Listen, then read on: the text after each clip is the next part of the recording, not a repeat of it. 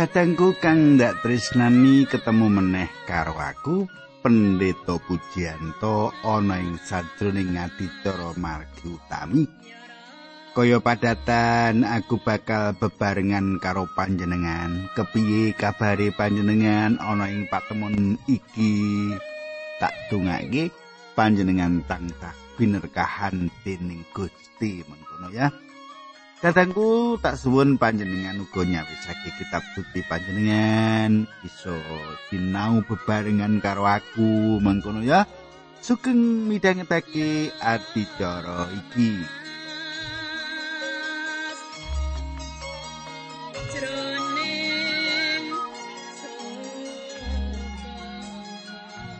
Kataku kang ndak tresnani apa panjenengan iki kelingan? Apa sing ndak aturake kepungkur kae nalika kita patemon bebarengan kita ngegilut bebarengan sinau bebarengan? Isih kelingan panjenengan kataku tak jalu panjenengan isih kelingan ning betike tak ringkes wae supaya panjenengan dadi kelingan kabeh ngono ya. Biasane nek tak sebutake setitik wae panjenengan. Oh iya Pak Dito Puji kae nyeritake ngene ngene ngene ngene aku kelingan. Ya. Nah katengku ing patemon kita kepungkur kita wis nyemak bangsa Israel kelakon nyebrang kali Yarden. Wis kelakon nyebrang kali Yarden ya. Kelingan saiki? Nah saiki tak teruske nanging sak turungi tak teruske kita ndedonga dhisik Ayo kita tumungkul, kita ndedonga. Duh Kanjeng Rama ingkang ada dampar wonten kraton ing kasuwargan. Kawula ngaturaken gunging panuwun menawi ing wanci menika kawula saged sesarengan sederek-sederek kawula. Duh pengiran niat batin manah kawula supados kawula menika kalengkapi kanthi pangandikan paduka Kawula supados paduka tuntun lumantar dawuh pangandikan paduka saged sinau kayektosan kayektosan lan kawula nyuwun paduka jebati sedherek kawula ingkang setya midhangetaken menika ganti makaten menapa ingkang abdi paduka andharaken saestu cetha wela-wela. Dinambaran asmanipun Gusti kawula Yesus Kristus kawula ndedonga haleluya amin.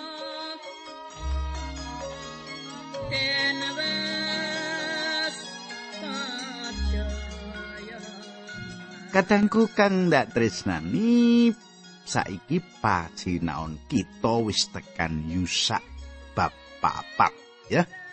Yusa bab papat tekan ayat 19 nek salah dhisik. Oh bener ya. Saiki tak wacake ayat 19 nganti 22 mengkini surasane.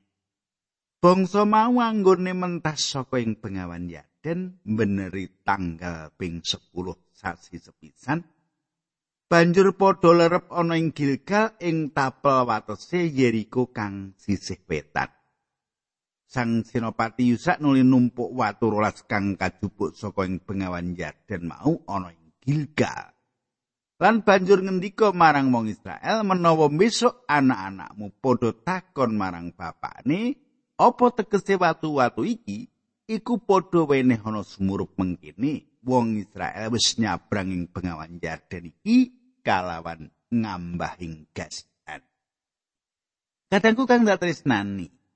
Kepiye ayat-ayat mau iku menawa kita trapake ing sawijining wulangan kasukman utawa karohanan ing perangan iki reringkesane ya iku kita kudu mulangake Injil marang anak-anak kita.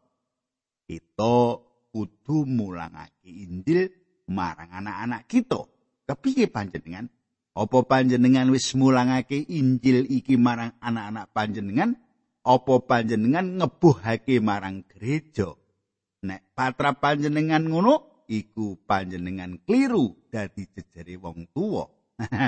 ya ta? Aja ngebuhake gereja, gereja seminggu pisan ya panjenengan kudu mulangake Injil marang anak-anak panjenengan. Kewajiban wong tuwa yaiku ngabarake Injil marang anak-anake.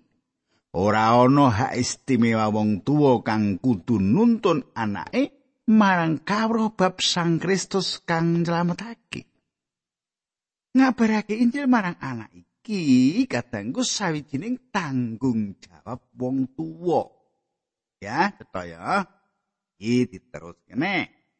Ayat 13 nganti 14. Amarga Sang Yehuwa Gusti Allahmu kang ngajatake bengawan Yarden ana ing ngarepmu, temah kowe padha bisa nyabrang padha kaya kang ditindakake Sang Yehuwa Gusti Allahmu tumrap negara Tebrau kang diasatake ana ing ngarepku kabeh temah aku padha bisa nyabrang. Iku supaya sakae bangsa ing sejagat ngawruh ana yen astane Sang Yehuwa iku kuwasa. Temah padha tansah eling marang Sang Yehuwa Gusti Allahmu. Mangkono kadangku piye iki? Apa kang ditindakake Gusti Allah kanggo wong-wong Israel kanggo kabeciane wong-wong mau. Nanging kanggo kabeciane panjenengan lan kanggo kabeciane aku.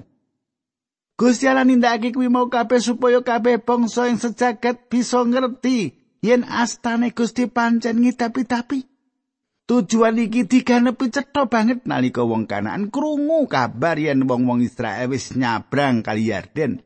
Sawetara kang kudu kita eling-eling yaiku ing pasal iki petine Gusti Allah, petine perjanjian digawa ing ngarep lan nyigar kali Yarden dudu tekene Musa sing nyigar. Pati perjanjian ana ing ngarep diangkat dening para imam Sang Kristus lumampah ing ngarepan kita lumantar sedane nanging uga manunggal ing urip kita. Yarden sawijining gambar saka sedane Sang Kristus dudu kita. Mengkono ya, saiki diteruske ngancik ing Yusak pasal 5. Pasal 5 buka pasal 5 tak wacake ayat siji. Bareng sakai para ratune bangsa Amori kang ana ing sakulone Bengawan Yarden lan sakai ratune bangsa kang ana ing pinggir segara. Padha mireng pawartane Sang Yehuwa anggone ngasatake banyune Bengawan Yarden ana ing ngarepe wong Israel nganti sarampunge anggone nyabrang. Penggalihe temah padha lemes lan ilang semangate ana ing ngarepe wong Israel. Kadangku. Awit Bengawan Yarden lagi banyune mundhak. bangsa Amori lan Kanaan duwe pengarep-arep yen bangsa Israel ora nyabrang bengawan Yadet. Bangsa Amori lan Kanaan duwe gagasan yen mengkono, bangsa mau duwe wektu kang akeh nyawisake awake ngadepi perang.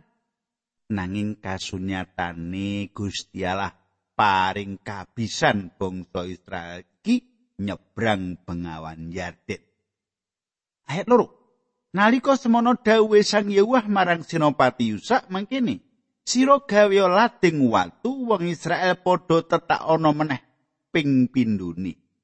Ayat telu papat lima mangkene Senopati Yusak tumuli damel lading watu sarta netaki wong Israel ana ing gunung kulit katan.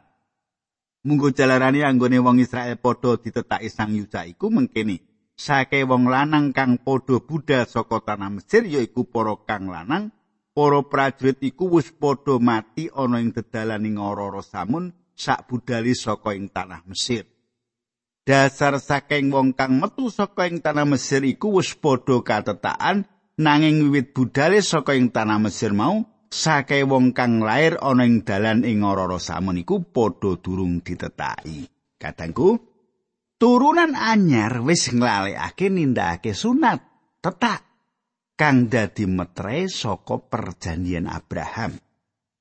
Panjenengan eling, perjanjian Abraham yaiku bakal maringake marang Israel tanah Kanaan.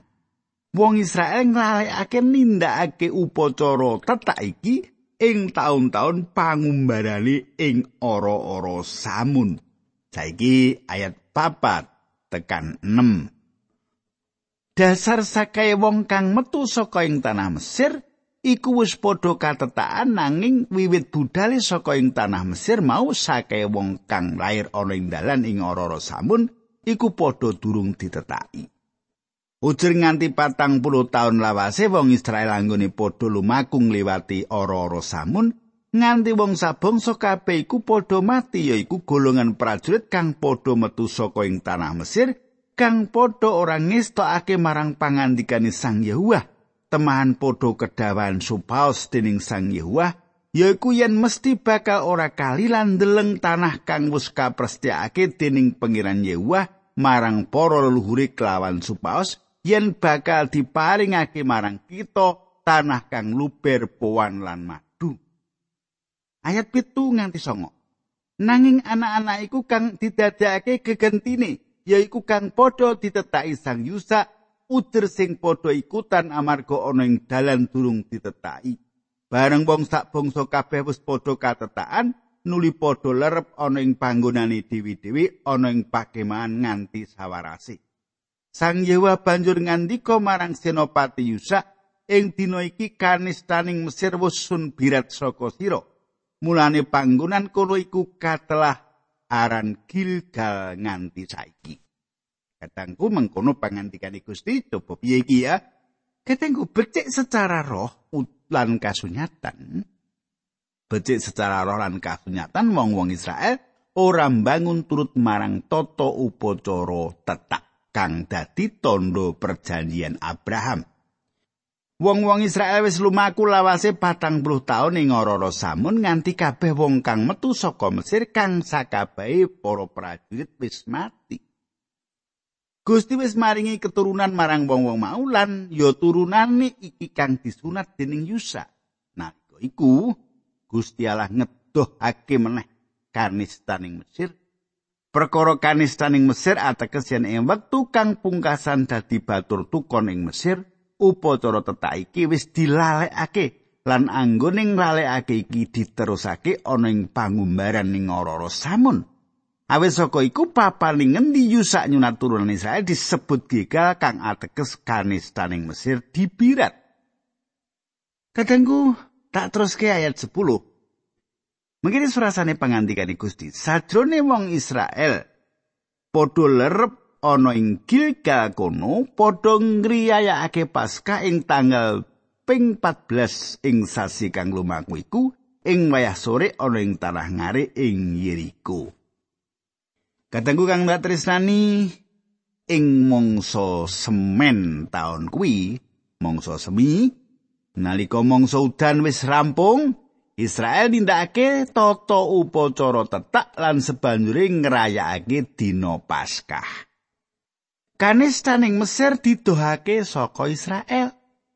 Gusti Allah wis paring janji bakal maringake tanah perjanjian marang turunane Abraham lan janji iku bakal enggal dadi kasunyatan. Kabeh iki kadangku ngandhut sawijining piweling kasukman marang kita, piweling rohani marang kita. Sipat kang lawas iku ora apik. Sipat kang lawas ora bisa marisi berkah kasukman, berkah karohanen. Sipat lawas malah ora bisa ngrasakake berkah karohanen utawa berkah kasukman. Sipat lawas ora bakal kaya kanaan lan uga apa wae kang nyenengake. Ing layang Galatia 5 ayat pitulas Paulus kondo.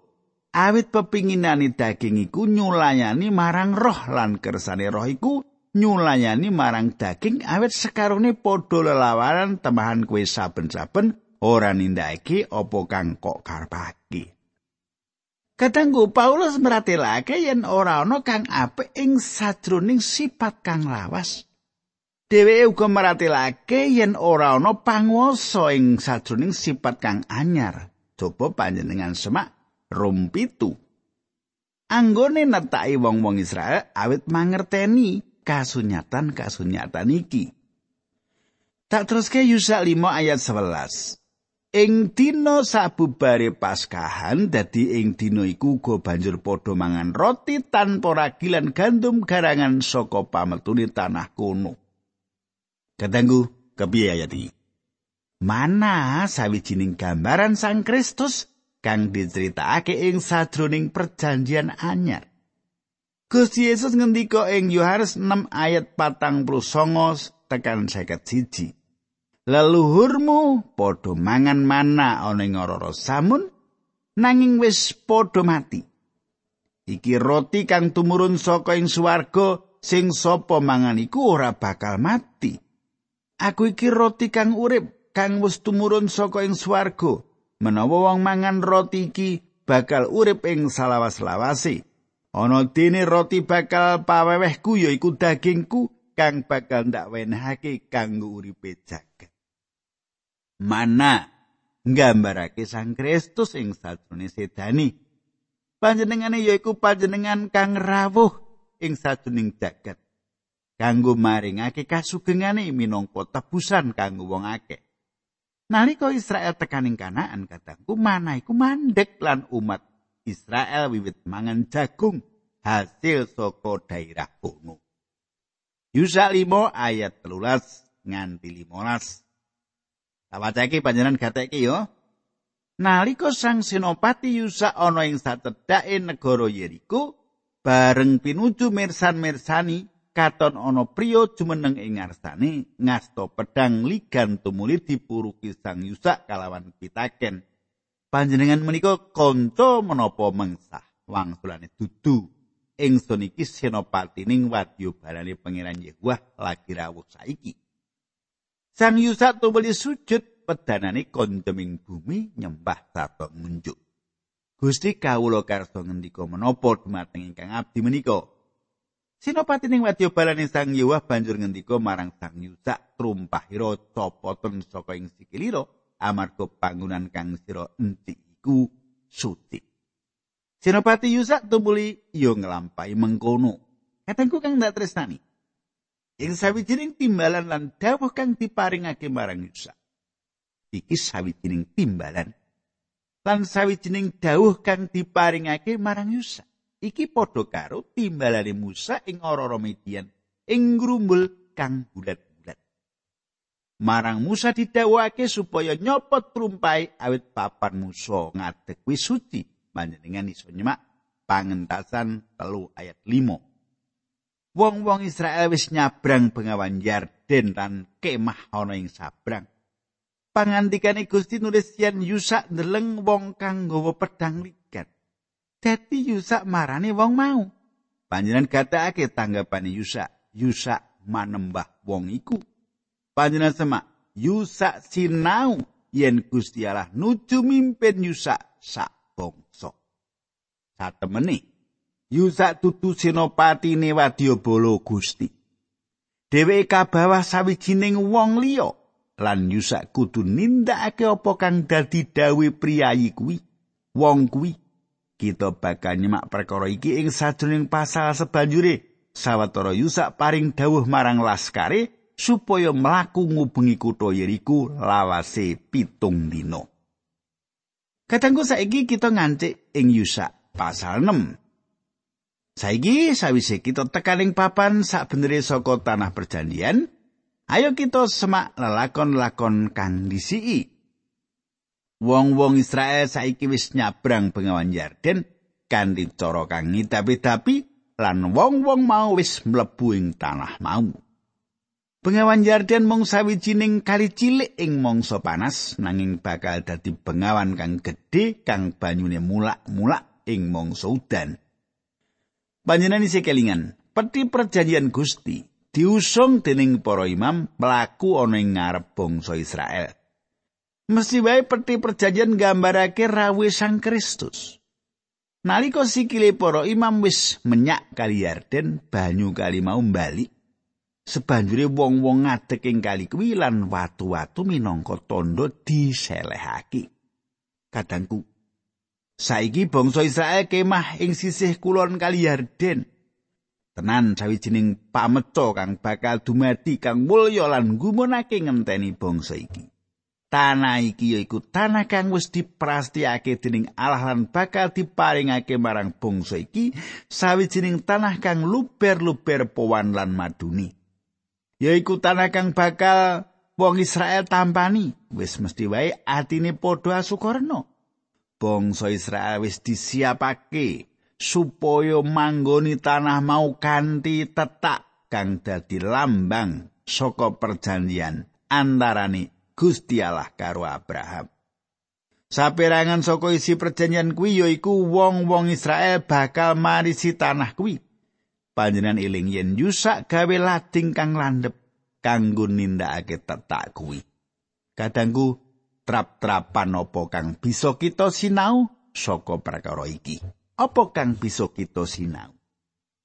Kangguku, kangguku ya. Lading landhep kuwi mratelake bab pangandikane Allah kang gesang lan santosa sarta luwih landhep tinimbang sakabehing pedang kang landhep kiwa tengen. Ibrani 4 ayat 13. Pangandikan iki kuwasa nyigar loro. Belah dadi loro. Jaman saiki kabeh pedoman moral wis rusak. Nanging isih pangandikane Gusti isih nyetakake endi kang bener lan endi kang luput.